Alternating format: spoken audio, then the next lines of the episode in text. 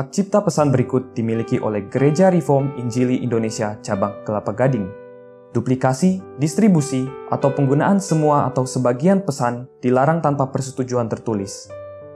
Jikalau ada pertanyaan, silakan kirim ke email gri-kelapa-gading at gmail.com.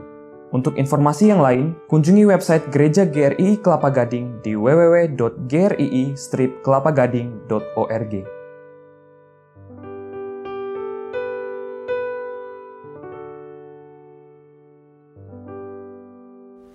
Kita membaca ayat 37 sampai dengan 47. Yohanes pasal 8 ayat 37 sampai 47. Kita membaca bergantian, saya baca yang ganjil, sudah baca yang genap.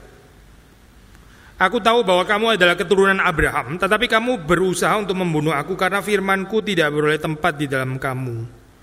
Apa yang kulihat pada Bapak itulah yang kukatakan dan demikian juga kamu perbuat tentang apa yang kamu dengar dari Bapamu. Jawab mereka kepadanya, Bapa kami ialah Abraham. Kata Yesus kepada mereka, Jikalau sekiranya kamu anak-anak Abraham, tentulah kamu mengerjakan pekerjaan yang dikerjakan oleh Abraham. Tetapi yang kamu kerjakan ialah berusaha membunuh aku. Aku seorang yang mengatakan kebenaran kepadamu, yaitu kebenaran yang kudengar dari Allah. Pekerjaan yang demikian tidak dikerjakan oleh Abraham. Kamu mengerjakan pekerjaan bapamu sendiri. Jawab mereka, kami tidak dilahirkan dari zina. Bapa kami satu yaitu Allah. Kata Yesus kepada mereka, Jikalau Allah adalah Bapamu, kamu akan mengasihi aku, sebab aku keluar dan datang dari Allah. Dan aku datang bukan atas kehendakku sendiri, melainkan dialah yang mengutus aku. Apakah sebabnya kamu tidak mengerti bahasaku, sebab kamu tidak dapat menangkap firmanku? Iblislah yang menjadi bapamu dan kamu ingin melakukan keinginan-keinginan bapamu. Ia adalah pembunuh manusia sejak semula dan tidak hidup dalam kebenaran. Sebab di dalam dia tidak ada kebenaran. Apabila ia berkata dusta, ia berkata atas kehendaknya sendiri. Sebab ia adalah pendusta dan bapa segala dusta. Tetapi karena aku mengatakan kebenaran kepadamu, kamu tidak percaya kepadaku. Siapakah di antaramu yang membuktikan bahwa aku berbuat dosa? Apabila aku mengatakan kebenaran, mengapakah kamu tidak percaya kepadaku? Barang siapa berasal dari Allah yang mendengarkan firman Allah, itulah sebabnya kamu tidak mendengarkannya. Karena kamu tidak berasal dari Allah. Mari kita berdoa, kita minta kehadiran Tuhan, kita memohon Tuhan berbicara pada kita secara pribadi. Sudah berdoa untuk diri masing-masing, untuk orang di sebelah kanan, di kiri, di depan, di belakang saudara, dan juga berdoa untuk saya. Mari kita berdoa. Bapa dalam surga pada saat ini kami mohon supaya Engkau memberkati perenungan firman Tuhan. Sekali lagi boleh berbicara di dalam kehidupan kami dan berikan kepada kami hati seorang murid yang dengan segala kerendahan hati mendengar perkataan yang Tuhan sampaikan kepada jemaatmu. Untuk kami semua. Kami berdoa supaya sekali lagi firmanmu itu boleh menguasai kehidupan kami, menguduskan kami, membawa kami memberi kepada kami kekuatan dan anugerahmu menopang kami untuk boleh senantiasa tinggal di dalam firman Tuhan. Beri bijaksana kepada segala keterbatasan hambamu ini untuk bisa menyatakan kebenaran firman Tuhan dengan leluasa dan engkau sendiri yang boleh bekerja di tengah-tengah kami menyatakan kemuliaan kekudusan Tuhan membawa kami hidup semakin sesuai dengan apa yang Tuhan nyatakan. Kami semakin mengenal engkau kami semakin melihat diri kami sebagaimana Tuhan melihat kami Berkati jemaatmu, berkati kami semua demi Yesus Kristus kami berdoa. Amin. Kalau sudah membandingkan berbagai macam terjemahan di situ ada perbedaan pemenggalan deh di dalam perikop-perikop yang kita baca ini. Misalnya di dalam salah satu terjemahan bahasa Inggris di situ pemotongannya adalah 37 38 lalu 39 ayat 39 masuk perikop yang baru. Sementara di sini di dalam bahasa Indonesia perikop yang baru dimulai dengan ayat yang ke-37 ya. Saya agak lupa minggu lalu kita bahas potongnya di mana gitu, tapi anyway ini satu kesatuan dan kita akan bergerak terus ke dalam perikop-perikop selanjutnya. Tapi di sini kalau saudara membaca LAI memberikan judul keturunan Abraham yang tidak berasal dari Allah. Ya. Ada pembedaan deh, saya, antara pengertian secara fisik atau secara jasmani dengan pengertian di dalam dunia rohani. Kalau kita membaca di dalam perikop sebelumnya Waktu Yesus mengatakan kebenaran yang akan memerdekakan orang-orang Yahudi menjawab, kami adalah keturunan Abraham, tidak pernah menjadi hamba siapa pun. Kami adalah keturunan Abraham, tidak pernah menjadi hamba dari siapa pun. Yesus membenarkan hal tersebut ya bahwa mereka memang adalah keturunan Abraham meskipun tidak benar bahwa mereka mengatakan mereka belum pernah menjadi hamba siapa pun. Bukan saja di dalam pengertian masa lampau orang-orang Yahudi tapi sekarang pun mereka juga sedang diperbudak. Dan bukan hanya diperbudak oleh penjajahan Romawi tapi terutama diperbudak oleh dosa. Tapi benar waktu mereka mengatakan mereka memang adalah keturunan Abraham Aku tahu bahwa kamu adalah keturunan Abraham tetapi kamu berusaha untuk membunuh aku karena firmanku tidak beroleh tempat di dalam kamu. Ada satu prinsip yang penting yang kita bisa belajar di sini, cuy, itu illusion atau apa ini, cuy, ketergantungan secara fisik, secara jasmani, ya. Yang bagi sebagian orang bisa merupakan satu kebanggaan, merupakan gambaran identitas mereka, tapi sebetulnya dari perspektif kerajaan Allah itu sama sekali nggak menolong. Kita bisa punya tetangga orang-orang yang sangat diberkati Tuhan, mungkin misionaris atau pendeta, kita bisa boosting saya sudah kenal pendeta besar ini, ini teman SD saya lah dan sebagainya atau ini bahkan keluarga saya dan sebagainya atau kita bisa bilang nenek saya dari itu sudah menjabat posisi penting sekali di dalam kepemimpinan gereja dia duduk di dalam ini terus om saya ini papa saya ini mama saya ini boleh saja saya kita bisa posting berbagai macam koneksi-koneksi itu ya, tapi ini sama sekali nggak berguna kalau menurut Alkitab. Betul, memang mereka adalah keturunan Abraham, nggak ada yang salah dengan kalimat itu. Mereka betul-betul adalah keturunan Abraham secara jasmani. Tapi Yesus mengatakan, kamu berusaha untuk membunuh aku karena firmanku tidak beroleh tempat di dalam kamu. Gak ada poinnya, saya posting keturunan Abraham lah, even punya Torah. Kalau kita membaca di dalam surat Paulus, mereka juga bermegah Bukan hanya keturunan Abraham, tapi bahwa mereka punya Torah nggak seperti bangsa-bangsa lain. Perhaps kita juga bisa bermegah, kita punya teologi reform. Tapi kemudian Yesus mengatakan kalimat, firmanku tidak beroleh tempat di dalam kamu. Saya di dalam persiapan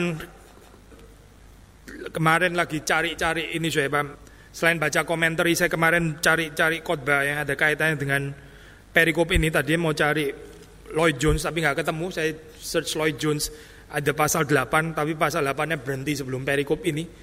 Jadi perikop ini nggak tahu ya, mungkin dikotbahkan juga tapi nggak ada rekamannya atau memang Lloyd Jones nggak pernah mengkhotbahkan itu saya nggak tahu. Tapi akhirnya saya ketemu khotbah dari MacArthur ya, saya, seorang khotbah reform. Lalu dalam bagian ini dia menafsir deh dari perkataan firmanku tidak beroleh tempat di dalam kamu ya bisa diterjemahkan sedikit agak bebas di dalam pengertian firmanku itu enggak enggak advance gitu. Enggak ada advancement di dalam kehidupanmu enggak ada gitu. Jadi bukan karena kamu enggak pernah dengar firman bukan gitu. Yesus ada bersama-sama dengan mereka firman hidup itu ada bersama dengan mereka. Tapi firman itu kayaknya enggak berkembang gitu. Di dalam kehidupan mereka tuh enggak berkembang. Ada sesuatu yang salah di sini. Sekali lagi ya, orang-orang Israelnya adalah bangsa yang pernah mendapat Torah dan mereka ada Torah berarti ada firman Tuhan. Dan sekarang Yesus ada bersama-sama dengan mereka, kehadirannya itu begitu nyata. Tapi Yesus mengatakan firmanku tidak beroleh tempat di dalam kamu. Ya, kalau kita melihat di dalam pemikiran ini ya, Yohanes yang sering kali membawa kita di dalam pengertian dualis gitu ya, dualis yang negatif dan yang positif. Gitu. Seperti nggak ada jalan tengah begitu ya ini Sekali lagi ya, cuma ada dua macam orang di situ di sini. Orang yang betul-betul percaya dan tinggal di dalam firman, atau mereka yang nggak percaya dan karena itu juga nggak tinggal di dalam firman. Memang seperti kita minggu lalu mengatakan ada seperti ada diskusi atau mungkin juga bahkan apa itu perdebatan di dalam komentar tentang kalimat percaya di ayat 30 31 itu saya sudah share kepada saudara ada sebagian orang yang percaya sebagian penafsir yang mengatakan bahwa ini bicara orang yang sama, orang yang percaya tapi percaya tanda kutip akhirnya mereka mau melempari Yesus dengan batu, saya cenderung saya cenderung persuaded dengan tafsiran yang seperti ini. Tapi ada tafsiran lain mengatakan bahwa ya Alkitab mengatakan percaya ya percaya. Mereka percaya nggak dikritik kok kepercayaannya berarti ini percaya memang betul-betul percaya. Jadi waktu di sini dikatakan ada orang yang mau melempari Yesus dengan batu, ini pasti kelompok orang yang lain. Either way lah, saya kita terima tafsiran yang mana gitu. Either kita percaya ini kelompok yang sama atau kelompok yang berbeda. Yang pasti, soe, orang yang memiliki kepercayaan yang sejati itu tinggal di dalam firman itu pasti. Nggak ada nggak ada perbedaan di sini di dalam hal ini ya, nggak ada perbedaan penafsiran. Mereka yang sungguh-sungguh percaya itu tinggal di dalam tinggal tetap di dalam firman. Tapi di sini kemudian Yesus mengatakan kepada mereka, "Firmanku tidak beroleh tempat di dalam kamu." Gak tinggal di dalam kamu, kamu juga gak tinggal di dalam firman. Kamu berusaha untuk membunuh aku. Firmanku tidak beroleh tempat di dalam kamu. Ini kalimat bukan pertama kali ya saya keluar di dalam bagian ini. Kita sudah pernah baca dalam perikop-perikop sebelumnya. Mereka mendengar kalimat ini bahwa Yesus mengatakan kamu berusaha membunuh aku. Mereka mungkin bingung siapa juga yang mau bunuh kamu gitu kan. Waktu kita baca dalam bagian itu sebetulnya mereka kan sedang amazed dengan apa yang dikotbahkan oleh Yesus. Tapi terus Yesus bicara kamu membunuh aku. Kalau kita baca secara sepintas seperti kayak Yesus ini paranoia atau bagaimana sih dia sakit jiwa kali ya. Gak ada yang mau bunuh dia, dia rasa dibunuh gitu. Jangan-jangan dia ada sakit jiwa sedikit. Kalau mereka bilang di sini bukan cuma sakit jiwa, kerasukan setan malah dibilang kalimat seperti Yesus seperti kayak terlalu sensitif ya dengan orang mau membunuh dia dan sebagainya, seperti oversensitif dan sebagainya. Tapi setelah kita baca pasal 8 sampai bagian terakhir, betul kan memang mereka mau membunuh Yesus gitu. Jadi Yesus bukan paranoia, dia bukan oversensitif. Ini penggambaran yang apa adanya. Yang mungkin mereka belum sadar pada saat itu, tapi kebencian itu sudah ada di sana. Yesus menubuatkan, kamu berusaha untuk membunuh aku. Dia menyatakan apa adanya keadaan yang di dalam diri mereka. Apa yang kulihat pada Bapa, itulah yang kukatakan, demikian juga kamu perbuat tentang apa yang kamu dengar dari Bapamu. Nah ini menarik ya, waktu kita bicara tentang konsep Bapa ya, apa sih Bapa itu maksudnya apa? Kalau kita menyebut Abraham itu Bapa, maksudnya apa? Kalau kita menyebut Allah itu Bapa, itu maksudnya apa? Kalau di dalam pengertian yang diajarkan oleh Yesus Kristus, Bapa itu maksudnya adalah kita ada kesatuan karya, kesatuan perkataan. Kita sudah pernah share bagian ini berulang-ulang ya saya. Apa yang dikatakan itu berasal dari Bapa. Yang dikerjakan itu juga adalah pekerjaan Bapa. Itu namanya kita dan Bapa adalah satu. Memang kita betul-betul adalah anak. Tapi kalau yang kita katakan itu nggak sinkron dengan yang dikatakan oleh Bapa, lalu yang kita kerjakan juga bukan pekerjaan Bapa, berarti itu bukan Bapa kita, Bapa kita yang lain berarti. Yesus mengatakan kalimat ya, ini sang anak, apa yang kulihat pada Bapa, dia sebagai anak mengatakan, apa yang kulihat pada Bapa, itu yang kukatakan. Yesus melihat dari Bapa, dia mengatakan, ya dia menyebut Allah itu Bapa, Allah Bapa, dan dia sendiri adalah Allah anak. Lalu kemudian Yesus mengatakan tentang mereka, demikian juga kamu perbuat tentang apa yang kamu dengar dari Bapamu. Jadi kamu melakukan apa itu mencerminkan Bapak yang kamu percaya itu siapa? Sebetulnya yang disebut Bapak di dalam kehidupanmu itu sebetulnya siapa? Sampai di sini saya belum ada perkataan ya bahwa Bapak mereka itu adalah iblis. Kita kan sudah baca sampai terakhir kan saya. Ini kalimat mungkin yang boleh dikatakan kalimat yang paling keras ya di dalam pembicaraan Yesus dengan orang-orang Yahudi. Mungkin gak ada yang lebih keras daripada kalimat yang di dalam perikop ini ya waktu Yesus bicara apa adanya di dalam ayat ke-44 iblislah yang menjadi bapamu. Tapi di sini kalau sudah melihat kategorinya, itu adalah bicara tentang yang dikatakan dan yang dilakukan atau yang diperbuat. Tapi mereka bukan memeriksa diri, mereka bukan terus kemudian melihat kepada diri mereka di dalam teguran yang diberikan oleh Yesus Kristus, malah ayat 39 mengatakan Bapa kami ialah Abraham. Tadi saya bilang keturunan, ya, kita ini keturunan Abraham, gak pernah menjadi budak siapa pun. Yesus bilang, memang kamu keturunan Abraham, ya, itu di dalam bahasa Yunani pakai istilah sperma, ya, ya. kamu sperma Abraham, keturunan Abraham. Mereka bilang, kami adalah keturunan Abraham, Bapak kami ialah Abraham. Yesus mengatakan, jikalau sekiranya kamu anak-anak Abraham, tekna, tentulah kamu mengerjakan pekerjaan dikerjakan oleh Abraham. Mereka bicara tentang sperma, Yesus bicara tentang tekna. Mereka bicara tentang kita ini secara jasmani keturunannya Abraham, ya tadi itu seperti orang-orang yang punya kebanggaan. Saya kenal ini, kenal itu dan supaya ini tetangga saya, nenek saya, ini om saya, ini semuanya adalah petinggi-petinggi gereja. Ya mereka bicara ini boleh saja. Tapi Yesus bicara dunia rohani di sini. Yang bagian itu sama sekali nggak ada pentingnya. Yesus bicara kalau kamu sekiranya kamu adalah anak-anak Abraham, ya bukan cuma sekedar sperma, so tapi tekna. Kalau kamu betul-betul adalah anak-anak merdeka itu ya, tekna itu anak-anaknya orang merdeka, so orang merdeka bukan budak, punya anak itu tekna, anak-anaknya orang merdeka itu hidup di dalam kemerdekaan, bukan hidup di dalam perbudakan. Karena mereka adalah anak-anak orang bebas dan orang merdeka. Nah, apakah saya kemerdekaan atau kebebasan itu? Kebebasan mengerjakan pekerjaan bapaknya. Sekali lagi saya, kalau kamu adalah anak-anak Abraham, Abraham orang merdeka, kamu menyebut diri keturunan Abraham. Kalau seandainya kamu memang betul-betul adalah anak-anak Abraham, orang merdeka itu, dan kamu juga adalah anak-anak yang merdeka, kamu tentunya mengerjakan pekerjaan yang dilakukan juga oleh Abraham, si orang merdeka itu. Tapi kenyataannya kamu tidak. Ternyata kamu nggak mengerjakan pekerjaan yang dikerjakan oleh Abraham. Nggak ada kontinuitas pekerjaan di sini dengan yang kamu sebut Bapa. And yet kamu insist katanya dia Bapamu. Gitu. Ini bicara tentang kesatuan dengan Bapa di dalam pengertian yang sangat konkret ya. So, ya. Sekali lagi ya, the unity of work. Kesatuan pekerjaan. Kalau kita adalah anak-anak Allah, kita mengerjakan pekerjaan Allah. Yesus mengatakan kalau kita nggak mengerjakan pekerjaan Allah, itu Bapamu bukan Allah. Dan di dalam dualisme Yohanes cuma ada satu yang lain, yaitu iblis. Nggak ada tengah-tengah lain, nggak ada. Saya. Di dalam dunia ini, either kita ini anak-anak Allah atau anak-anak iblis. That's it.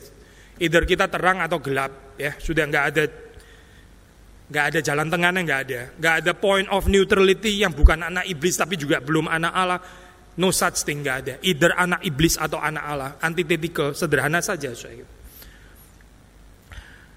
Pak kita ini ya saya kalau di apa itu Asia saya kemarin dengar uh, khotbahnya MacArthur itu kalau di Barat memang kan ada website yang menelusuri apa ini namanya saya ancestor kita gitu ya ditelusuri sampai ke atas gitu waktu telusuri sampai ke atas hopefully kita ketemu orang-orang yang jadi berkat dan bukan penjahat-penjahat begitu ya. Saya kalau jadi penjahat kita ini keturunannya penjahat gitu. Saya tinggal di Perth, Perth itu boost. Kita ini nggak seperti Sydney and Melbourne, nggak seperti itu ya. Karena ini bukan koloni penjahat gitu. Kalau di Perth itu orang ngomongnya Western Australia, itu koloni yang didirikan bukan untuk penjara-penjara yang dilempar dari Inggris ke sana. Jadi kita ini orang-orang merdeka gitu ada kebanggaan seperti itu saya bukan bukan keturunannya para penjahat gitu ya. Kalau bagian yang apa itu di daerah kos yang satunya itu koloni-koloni penjahat. Kalau di Perth bukan gitu. Tapi ada penjara juga di situ namanya Fremantle saya itu masuk UNESCO itu. Kalau orang Barat telusuri ini ya saya apa itu um, um, ancestor sampai ke atas gitu ya. Kalau kita orang Timur kita sulit deh saya saya punya nama itu belakangnya Kristanto papa saya namanya Pranoto papanya lagi kayak namanya juga bukan Pranoto gitu. Jadi rumit sekali siapa ini sebetulnya orang tuanya begitu ya. Mau cari family name nggak benar-benar family name. Buat saya di tradisi keluarga saya itu family name kayak seperti nggak terlalu ada artinya bagaimana ya. Waktu saya punya anak perempuan, nama saya Kristanto, saya pikir ini anak perempuan. Saya pikir kasih nama belakang Kristanti saja gitu kan. Perempuan Kristanto, Kristanti begitu ya. Terus istri saya keberatan, nggak bisa kayak begitu loh, orang nggak tahu ntar bapaknya siapa begitu. Bapaknya Kristanto kok namanya Kristanti gitu. Soalnya adik saya namanya Kristanti. Saya. Itu mungkin karena orang tua saya juga nggak terlalu mementingkan tentang family name. Kita orang timur mau trace sampai ke atas, saya. itu bisa repot, saya. Repot. Saya nggak tahu sudah bisa trace sampai berapa jauh ke atas gitu. Tapi menurut Alkitab, kalaupun kita bisa melakukan, nggak terlalu penting juga, saya. Kita keturunannya siapa nggak terlalu penting menurut Alkitab. Di dalam Alkitab ada Yefta, keturunannya perempuan nggak bener ya keturunan dari orang tua yang bukan baik-baik tapi dipakai Tuhan gitu. Ada orang yang lahir dari keluarga yang baik-baik gitu. Kalau orang di dalam kebudayaan tertentu bilang kita mesti cek bibit, bebet, bobot begitu ya saya. Bibit, bebet, bobot. Maksudnya bobotnya jangan terlalu tinggi. Itu berarti banyak penyakit nanti gitu ya bibit, bebet dan bobot kita cek dan sebagainya. Kita mesti tahu ini ada keturunan orang sakit jiwa atau enggak gitu. Bagaimana dengan diabetes, bagaimana panu, kadas, kurap dan sebagainya. Waduh jadi rumit sekali ya saya mau nikah gitu. Akhirnya kita cek dan sebagainya. Setelah kita nikah sama orang baik-baik yang punya bibit bebet bobot, keturunan apakah ada jaminan saya jadi orang yang baik-baik gitu. Di dalam dunia ada orang yang baik-baik, baik-baik di dalam pengertian moralnya baik-baik, tapi anaknya juga nggak tentu baik-baik. Kalau kita baca di dalam Alkitab ada Ishak, Ribka, itu keluarga baik-baik, punya anak satunya Yakub, satunya Esau, sama-sama dari orang tua yang sama, saya yaitu Ishak dan Ribka, tapi anaknya ada yang Esau, anaknya ada yang Yakub. Ada yang punya hati takut akan Tuhan, ada yang sekuler luar biasa, nggak peduli dengan firman Tuhan, nggak peduli dengan hal, -hal rohani dan seterusnya. Kalau menurut Alkitab, saya bukan masalah kaitan relasi-relasi daging atau jasmani itu yang membedakan seseorang, bukan. Tapi apakah firman Tuhan itu tinggal di dalam dirinya atau tidak? Apakah kita melakukan pekerjaan yang kita sebut sebagai Bapa? Orang Israel ini bilang bapak kita adalah Abraham, tapi Yesus bilang kamu nggak mengerjakan pekerjaan yang dilakukan oleh Abraham yang katanya bapamu itu. Apa sih pekerjaannya Abraham? Abraham itu percaya, percaya firman Tuhan. Abraham itu menghargai janji Allah. Dia percaya, meskipun dia nggak sempurna, dia ada momen waktu dia ragu-ragu tapi dia percaya. Tapi orang-orang Yahudi ini nggak percaya. Mereka menolak Padahal Abraham itu melihat dari jauh, ya. Sementara orang-orang di sini ini berdiri di depan mereka itu firman yang hidup. Yesus sendiri sedang ada di sana dan mereka menolak Yesus, mereka menolak Kristus. Kalau seandainya, sekiranya kamu adalah anak-anak Abraham, tentu kamu mengerjakan pekerjaan yang dikerjakan oleh Abraham. Tetapi yang kamu kerjakan ialah berusaha membunuh aku. Aku seorang yang mengatakan kebenaran kepadamu, yaitu kebenaran yang ku dengar dari Allah, pekerjaan yang demikian tidak dikerjakan oleh Abraham. Abraham itu reseptif terhadap firman Tuhan. Kamu nggak reseptif. Bagaimana kamu menyebut kamu adalah keturunan Abraham? Keturunan secara jasmani, iya keturunan secara jasmani. Tapi secara rohani hidupmu nggak ada urusannya dengan Abraham. Bapamu itu bukan Abraham. Tapi terus kemudian waktu kita membaca jawaban dari mereka, kami tidak dilahirkan dari zina. Bapak kami satu, yaitu Allah. Sekali lagi, kita melihat di sini kekerasan hati manusia. Waktu mendengar firman Tuhan, ya, bukannya introspeksi, tapi terus melawan. Gak ada kerendahan hati ya, untuk dikoreksi oleh firman Tuhan. Tapi mereka terus membenarkan diri mereka sendiri. Gak ada pertobatan di sini. Kami tidak dilahirkan dari zina. Ada tafsiran yang menarik, saya. Tafsiran mungkin agak kuno ya, yang memulai arguably Origenes, tapi kemudian cukup populer di dalam zaman-zaman berikutnya. Kalau di sekarang di tafsiran modern, tafsiran ini sudah mungkin dianggap agak ditinggalkan ya gitu. Tapi menurut saya masih ada hal yang menarik di dalam tafsiran ini. Waktu mereka mengatakan kami tidak dilahirkan dari zina, kita tahu saya Yesus Kristus itu lahir bukan dari hubungan laki-laki dan perempuan. Dia lahir dari Roh Kudus ya. Dia lahir dikandung dari Roh Kudus melalui perawan atau anak darah Maria. Ada gosip beredar, Yesus ini lahir dari mana sih? Bapaknya nggak jelas sebetulnya gitu. Maria itu hamil duluan sebelum nikah sama Yusuf itu. Ini nggak benar ini orang ini. Sudah gitu ngaku-ngaku Mesias dan sebagainya. Ini lahir dari perjinahan. Sampai sekarang juga masih ada saya orang berpikir seperti ini ya saya. Nggak bisa menerima Yesus dikandung dari Roh Kudus. Mereka bilang orang-orang Kristen itu menuhankan manusia yang lahir dari perjinahan lagi.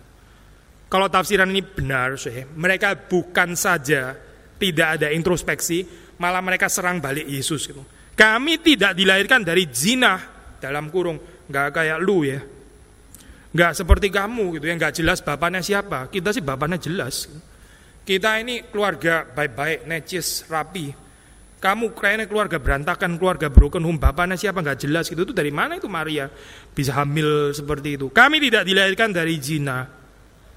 Tapi MacArthur punya tafsiran yang lain, saya. Dia mengatakan, menurut saya sangat atraktif tafsiran ini, sangat convincing. Juga dia mengatakan kalimat seperti ini, saya. Kita masih tahu di dalam konteks pada saat itu ya, setelah orang Israel kembali dari exile, dari pembuangan, itu mereka kapok, eh, saya nggak mau lagi kepada berhala-berhala itu ya, Baal, Astoret dan sebagainya itu sudah berhenti. Mereka sekarang masuk ke dalam iman monoteis. Memang mereka masih nggak mengerti Tritunggal di dalam hal ini. Buktinya mereka menolak Yesus Kristus kan ya. Tapi paling nggak berhala-berhala pada zaman dulu itu sudah Sudah nggak ada lagi. Itu kalau kita melihat di dalam kehidupan orang-orang yang menyembah berhala ya, pergi ke kuil-kuil itu biasanya campur dengan praktek kemesuman di sana ya, sampai beribadah, terus kemudian terjadi di situ persetubuhan dengan perempuan-perempuan secara liar, itu termasuk di dalam praktek keagamaan pagan, ya, kafir. Jadi sambil beribadah sambil melacur biasa itu ekspresi ibadah bahkan. Waktu orang-orang Yahudi mengatakan kalimat kami tidak dilahirkan dari zina. Maksudnya kita nggak ikut ritualnya orang-orang kafir itu tidak gitu. Kita ini cuma ada satu bapaknya yaitu Allah Yahweh itu adalah Bapa kami ya. Kita sudah berhenti sih kita nggak menyembah lagi itu Dagon atau Baal Astoret dan sebagainya itu sudah itu nenek moyang kita yang dulu salah kita sekarang sudah bertobat kita sudah balik kepada Allah yang satu-satunya. Bapa kita cuma satu yaitu Allah. Kami tidak dilahirkan dari zina. Maksudnya kita nggak ikut lagi ritual-ritual model seperti itu. Kita setia kepada Yahweh setia kepada Allah setia kepada yang disebut Bapa ini. Lalu Yesus menjawab mereka, "Jikalau Allah adalah Bapamu, kamu akan mengasihi aku, Jikalau Allah itu adalah Bapa, Yesus mengatakan orang itu akan mengasihi Yesus. Kalau orang betul-betul mengenal Allah sebagai Bapa, dia akan mencintai Yesus. Yang nggak mencintai Yesus, Yesus mengatakan itu Allah bukan Bapaknya, tapi Bapaknya adalah iblis sebetulnya. Kalimat ini kalimat yang sulit ya, ya. Kalimat yang sulit sekali keluar. Tapi Yesus mengatakan dengan apa adanya. Sekali lagi ya, ya. Jikalau Allah itu betul-betul adalah Bapa bagi orang itu, orang itu akan mengasihi anak. Karena anak dan Bapa nggak bisa dipisahkan. Kita nggak bisa Bapa tanpa anak atau anak tanpa Bapa. Itu nggak nggak ada, soalnya. Karena kita bicara tentang Tritunggal di sini. Roh Kudus itu membawa seseorang untuk mengenal Allah sebagai Bapa di dalam anak, yaitu ketika orang itu mengasihi anak. Mengapa? Karena anak keluar dan datang dari Bapa. Anak datang bukan atas kehendaknya sendiri, melainkan Bapa yang mengutus anak. Sederhana ya, saya Bapa ya itu mengasihi anak. Kalau kita mengenal Bapa, ya kita seperti Bapa akan mengasihi anak, karena Bapa sendiri sangat mengasihi anak. Kalau orang nggak mengasihi Allah Bapa, ya dia nggak mengasihi anak, dia nggak mengasihi anak, ya dia nggak mengasihi Bapa. Sederhana kan ya, saya? Ini bukan pribadi yang terkoyak-koyak yang kita bisa pilih. Enggak, ah, saya favoritnya dengan bapak, saya enggak terlalu suka dengan anak, atau saya cuma suka dengan Roh Kudus, saya enggak terlalu suka bicara Kristus, saya enggak terlalu suka bicara bapak dan sebagainya. No such thing, saya enggak ada. Ini bukan tritunggalnya di dalam Alkitab. Di dalam Alkitab mengasihi bapak, mengasihi anak, mengasihi anak, mengasihi bapak. Jikalau Allah adalah bapamu, kamu akan mengasihi aku. Jikalau kita menganggap Allah itu adalah Bapa kita, kita akan mengasihi Kristus. Karena Kristus datang dari Bapa. Lalu kemudian ayat ke-43, Yesus mengatakan, apakah sebabnya kamu tidak mengerti bahasaku? Saya bandingkan bahasa Inggris ya, saya. bahasa Inggris lebih gamblang. Di sini seolah-olah persoalannya ada pada bahasa. Tapi kalau dalam bahasa Inggris, saya baca ayat ke-43, Why do you not understand what I say? Bukan masalah bahasa saya di sini gitu. Saya kadang-kadang kalau khotbah sedikit kecampur sama bahasa Inggris, kadang-kadang ada bahasa Latinnya, sudah bisa nggak ngerti karena bahasanya begitu ya. Gak ada persoalan itu nggak ada di dalam Yesus nggak ada. Ini bukan masalah bahasa, saya bukan masalah vocabulary, bukan juga bukan masalah logika yang terlalu rumit, terlalu tinggi, bukan. Yesus bilang, mengapa engkau tidak mengerti apa yang kukatakan? Bukan masalah bahasa, saya sebetulnya. Apa sebabnya kamu tidak mengerti aku, tidak mengerti apa yang kukatakan? Lalu mungkin terjemahan yang juga sulit ya saya di dalam bahasa Indonesia. Sebab kamu tidak dapat menangkap firmanku. Lah ini kan stating the same thing saya kayak gini. Menangkap itu maksudnya apa sih? Sudah tahu istilah menangkap ya? Menangkap itu apa maksudnya? Kalau bola menangkap ya kita tahu itu. Menangkap di sini ini maksudnya apa? Mengerti kan saya? Jadi saya baca ya saya. Apa sebabnya kamu tidak mengerti bahasaku? Sebab kamu tidak mengerti firmanku. Ya ini stating the obvious atau gimana sih saya? Mengapa kamu nggak mengerti? Ya karena kamu nggak mengerti. Mengapa kamu nggak menangkap? Karena kamu nggak menangkap. Ya siapa yang nggak tahu saya kalimat kayak gini? Kamu nggak mengerti karena kamu nggak mengerti. Kamu nggak menangkap karena kamu nggak menangkap. Kan sama sudah berarti itu. Yesus kok ulang-ulang kayak begini saya? Saya bukan sedang melecehkan terjemahan bahasa Indonesia ya. Makanya kalau sudah ada kemungkinan cek bahasa asli, ada bahasa lain dan sebagainya, kadang bisa menolong kita. Mungkin artinya mungkin bukan itu saya. Saya baca di dalam terjemahan bahasa Inggris ya. Why do you not understand what I say? It is because you cannot bear to hear my word. Ada beda ya saya. Bukan why do you not understand what I say? It is because you do not understand my word. Ngomong sama lagi berarti kayak gini saya. Bukan you do not understand You cannot bear to hear my word. Kamu itu nggak tahan dengar firmanku itu kamu nggak tahan gitu. Makanya kamu nggak bisa mengerti. Kenapa? Karena kamu nggak tahan terus dikoreksi kayak begitu nggak tahan kamu. Telingamu itu panas itu bukan cuma telinga yang panas, hatimu juga kayak panas gitu. Kamu tersinggung waktu dengar firman Tuhan. Kamu nggak seneng dapat profil gambaran kayak begini tentang dirimu. Kamu nggak seneng. Itu yang buat kamu jadi nggak bisa mengerti akhirnya firman Tuhan. Jadi bukan nggak mengerti karena nggak mengerti, nggak menangkap karena nggak menangkap, bukan. Dan juga bukan masalah bahasa, bukan di sini ini bukan masalah di bahasa, pronunciation, dialek lah dan sebagainya bukan, tapi karena kamu tidak bisa tahan, kamu nggak bisa tanggung ya untuk mendengar firmanku, nggak bisa kamu rasa disiksa gitu waktu dengar firman kayaknya tersiksa sekali. Setiap kali mendengar firman bukan menjadi satu kelegaan, mengalami peristirahatan, mengalami penghiburan, tapi seperti kayak terus kok saya dihakimi terus gak selesai-selesai. Orang-orang seperti ini juga nggak pernah mengerti pengampunan Tuhan. Gitu.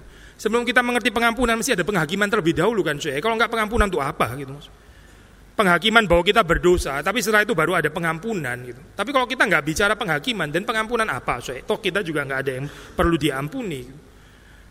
Saya percaya waktu Yesus mengatakan kalimat ini, iblislah yang menjadi bapamu. Ini bukan dalam pengertian statis, saya.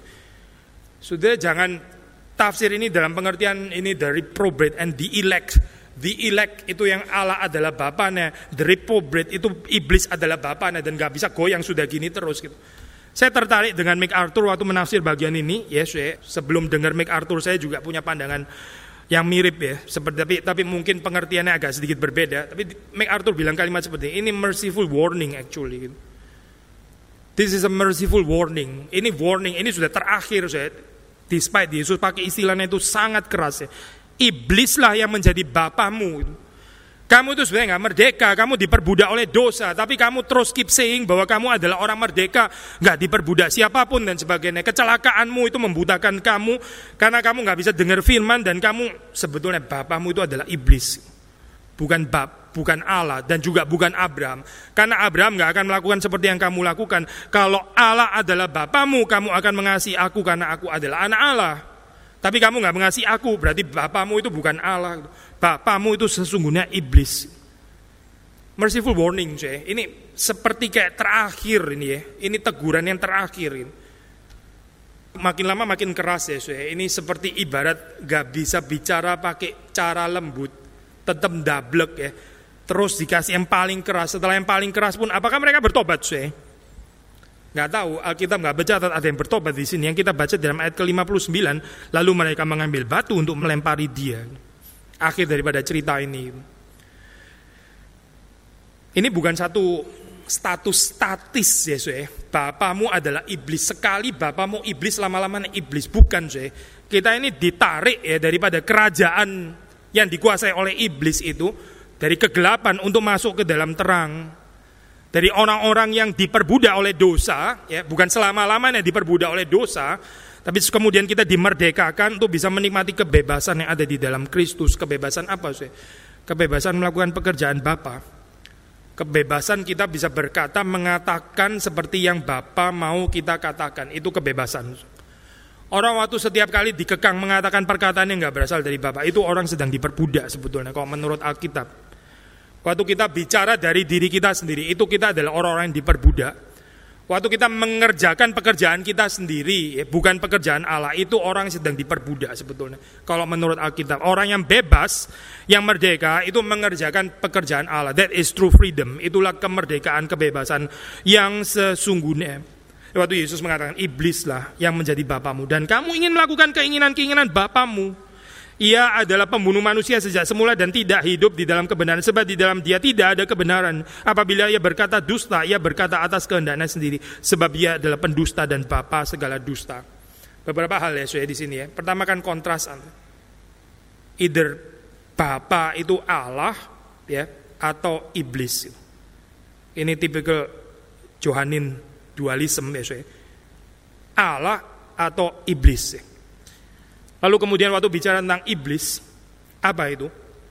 Iblis itu mengalirkan kuasa kematian. Dia adalah pembunuh. Sejak semula Allah itu sumber kehidupan. Ada orang saya di dalam kehidupan itu mengalirkan kehidupan. Ada orang yang mengalirkan kuasa kematian. Yang mengalirkan kehidupan itu bapaknya adalah Allah. Yang mengalirkan kematian itu bapaknya adalah iblis. Orang-orang Yahudi ini dipenuhi dengan kebencian, dipenuhi dengan ketersinggungan, dipenuhi dengan sakit hati, dipenuhi dengan keinginan untuk membunuh dan sebagainya. Itu bapaknya bukan Allah, itu bapaknya adalah iblis. Yesus nggak bicara ini kamu sedang kilaf gitu ya. Kamu anak Allah tapi anak Allah yang kilaf gitu. Nggak ngomong kilaf saya. Yesus bilang bapamu itu iblis. Nggak ada istilah kilaf di sini. Nggak ada istilah kamu sebetulnya ya namanya manusia siapa sih nggak pernah ngomong salah. Yesus ngomong kalimat itu saya. Yesus ngomong bapamu itu iblis sebetulnya gitu teguran yang begitu keras ya, diberikan kepada orang-orang yang tidak mengatakan apa yang tidak berasal dari Bapa dan nggak mengerjakan pekerjaan yang tidak berasal dari Allah itu bapaknya iblis kalau menurut Yesus Kristus. Nggak ada jalan tengah saya, nggak ada kalimat-kalimat yang menenangkan dan sebagainya. Justru ini saya operasi yang sesungguhnya. Iblislah yang menjadi bapamu dan kamu ingin melakukan keinginan-keinginan bapamu. Ia adalah pembunuh manusia sejak semula.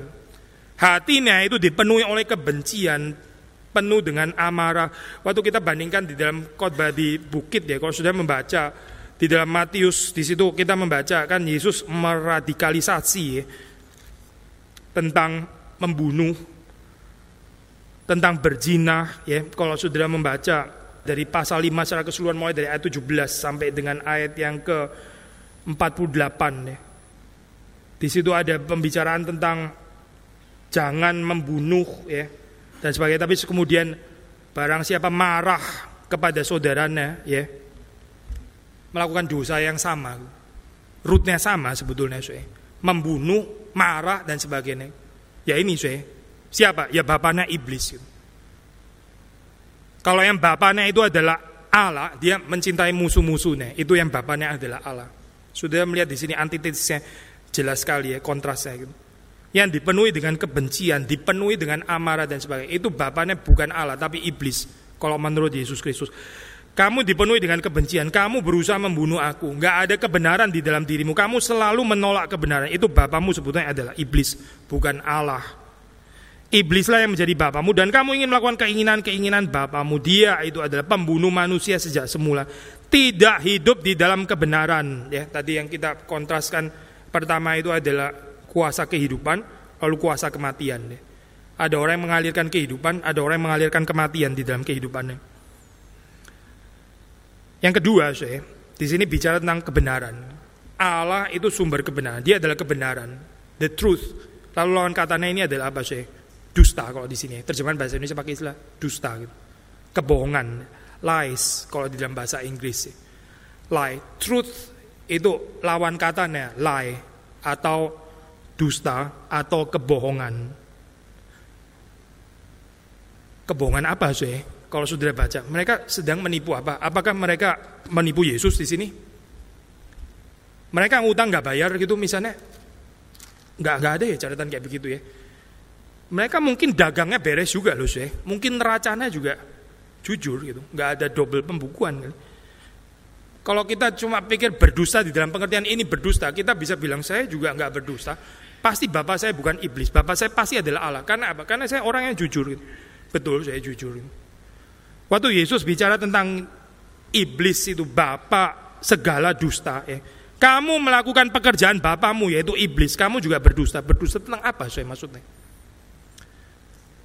Ya ini saya berdusta bahwa mereka menempatkan diri sebagai anak-anak Abraham, anak-anak Allah, padahal kenyataannya mereka adalah anak-anak iblis. Ini kesulitan ya saya. Waktu seseorang mendengar firman Tuhan, dia nggak mau melihat dirinya seperti firman Tuhan melihat dia, seperti Allah melihat dia. Itu orang adalah pendusta. Dan orang seperti ini saya, bapaknya adalah iblis kalau menurut firman Tuhan. Bukan pendusta tipu orang kanan kiri, ya itu pendusta juga betul saya. Kalau kita konsep etika cuma sebatas kayak begitu, ya, kita bisa betul-betul salah loh saya.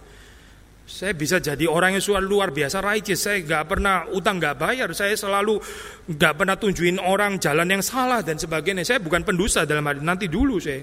Alkitab nggak bicara pendusta di dalam pengertian yang sangat superficial permukaan kayak begini. Ini bicara tentang radikalitas tentang pendusta itu apa? Mereka ini semua adalah pendusta karena mereka nggak bicara jujur tentang keadaan diri mereka sendiri. Yesus mengatakan kebenaran, Yesus mengatakan apa adanya tentang mereka, tapi mereka nggak mau melihat diri mereka sebagaimana Yesus melihat mereka. Di dalam hal ini mereka adalah pendusta. Orang-orang yang nggak pernah melihat diri mereka di bawah terang firman Tuhan, yang selalu berkelit, yang selalu ada penjelasan, yang selalu ada rasionalisasi, yang selalu ada argumentasi untuk menjelaskan tentang kelemahan-kelemahannya. Itu adalah pendusta, yang bapaknya adalah iblis kalau menurut ayat ini. Sebab ia adalah pendusta dan bapa segala dusta. Tetapi karena aku mengatakan kebenaran kepadamu, sudah perhatikan ya, di sini dikontraskan antara dusta ya, berkata dusta, Yesus mengatakan kebenaran. Ayat ke-44 bicara tentang iblis Bapa segala dusta. Tapi ayat ke-45 mengatakan Yesus yang mengatakan kebenaran. Tetapi karena aku mengatakan kebenaran kepadamu, kamu tidak percaya kepadaku. Ya inilah dusta Nese. Yesus mengatakan keadaan mereka apa adanya, ya di bawah terang firman Tuhan, tapi mereka nggak bisa menerima itu. Mereka lebih suka pembicaraan-pembicaraan yang mengatakan bahwa manusia itu Hebatlah manusia itu baik-baik saja. Siapa yang nggak punya kekurangan, semua orang juga punya kekurangan. Kita tahu semua manusia pasti punya kelemahan dan sebagainya. Tapi pada dasarnya kita tahu doing great. Gereja ada dua macam, saya. Gereja yang jujur mengatakan kebenaran, memperlihatkan keadaan gereja apa adanya, atau gereja yang terus-menerus puji dirinya sendiri, itu gereja pendusta namanya. Gereja yang nggak jujur dengan dirinya sendiri, gereja yang menolak terang firman Tuhan. Atau kita mengikut Yesus yang mengatakan kebenaran. Maka waktu kita membaca itu ayat ke-46, siapa di antaramu yang membuktikan bahwa aku berbuat dosa? Siapa di antaramu yang membuktikan bahwa aku berbuat dosa? Kalimat ini memang kita bisa tarik dalam keluar konteks di dalam pengertian general, tetap betul juga kan ya. Kita tahu nggak ada satu orang pun yang bisa membuktikan Yesus itu berbuat dosa. Pastikan saya, Yesus nggak pernah berbuat dosa apa pun gitu. Tapi kalau kita baca di dalam konteks ini, saya, ini bicara tentang berbuat dosa di dalam pengertian yang sangat spesifik, yaitu dusta, saya maksudnya. Yesus seolah mau menantang, kapan silakan buktikan di dalam kehidupan saya, kapan saya mengelabui kamu dengan mengatakan hal-hal yang baik-baik saja, sampai kamu akhirnya salah mengerti tentang dirimu sendiri. Kapan saya nggak mengatakan keadaan dirimu itu apa adanya seperti Tuhan melihat kamu, kapan silakan buktikan. Kapan Yesus menjadi nabi palsu yang bicara damai sejahtera, damai sejahtera, padahal orang perlu ditegur dosanya. Kapan Yesus seperti itu? Kapan? Silakan buktikan. Kapan Yesus sifatnya jadi humanis, takut menyinggung perasaannya orang sampai dia bicara yang baik-baik saja begitu ya. Kita bangsa yang besar, we are the chosen nation dan sebagainya. Kapan? Silakan buktikan. Kapan Yesus bicara seperti itu? Enggak ada. Yesus selalu membicarakan yang dari Bapa, meskipun itu nggak enak didengar. Sampai orang nggak tahan dengar firman Tuhan, nggak tahan saya. Kupingnya orang panas, hatinya panas dan sebagainya. Karena apa saya? Karena simply Yesus mengatakan kebenaran. Maka waktu sudah membaca di dalam ayat yang ke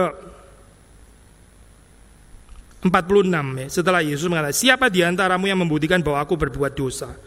Maka lawan katanya ya, apabila aku mengatakan kebenaran, sudah nangkep ya poinnya ya, silakan menunjukkan kalau aku pernah berbuat dosa di dalam pengertian pernah berdusta, mengelabui kamu sampai kamu nggak bisa mengenal diri.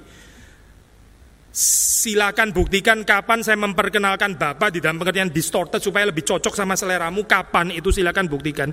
Lalu lawan katanya, tetapi apabila aku mengatakan kebenaran, ya, tetapi apabila Yesus mengatakan kebenaran, mengapa kamu tidak percaya kepadaku? Ini loh saya Kalimat ini ironis sekali ya. Kenapa Yesus gak dipercaya? Saya? Karena Yesus mengatakan kebenaran. Kenapa orang gak percaya kepada Yesus Kristus? Karena Yesus mengatakan kebenaran. Nabi palsu itu gampang dipercaya, saya. gampang sekali dipercaya. Lebih enak percaya nabi palsu. Karena selalu profil kehidupan kita di dalam keadaan yang tinggi, keadaan yang menyenangkan, keadaan yang gak perlu koreksi diri, keadaan pujian, semuanya di atas. Gampang dipercaya. Saya. Tapi waktu Yesus bicara, dia bicara kebenaran, orang nggak percaya. Nah sekarang pertanyaannya saya, kita ini gereja yang ikut Kristus atau kita ini yang menjadikan iblis menjadi bapak kita? Saudara jangan bicara gereja nggak mungkin bapaknya adalah iblis ya. Itu kalimat ceroboh sekali itu. Kita nggak kebal saya menjadikan iblis menjadi bapak kita di dalam teguran ini. Yesus mengatakan yang bapaknya adalah Allah mengatakan kebenaran. Dia tidak berbuat dosa di dalam arti dia nggak pernah menipu, dia nggak memanipulasi firman Tuhan. Dia mengatakan apa adanya seperti Allah mau mengatakan. Sekali lagi ya saya baca ayat yang ke-46. Siapakah di antaramu yang membuktikan bahwa aku berbuat dosa? Apabila aku mengatakan kebenaran, mengapakah kamu tidak percaya kepadaku? Terakhir ayat 47. Barang siapa berasal dari Allah, ia mendengarkan firman Allah. Itulah sebabnya kamu tidak mendengarkannya. Karena kamu tidak berasal dari Allah. Yang berasal dari Allah mendengarkan firman Allah. Itu Bapaknya adalah Allah. Yang tidak berasal dari Allah, dia tidak mendengarkan firman Allah. Kiranya Tuhan berbelas kasihan kepada kita semua. Mari kita masuk di dalam doa.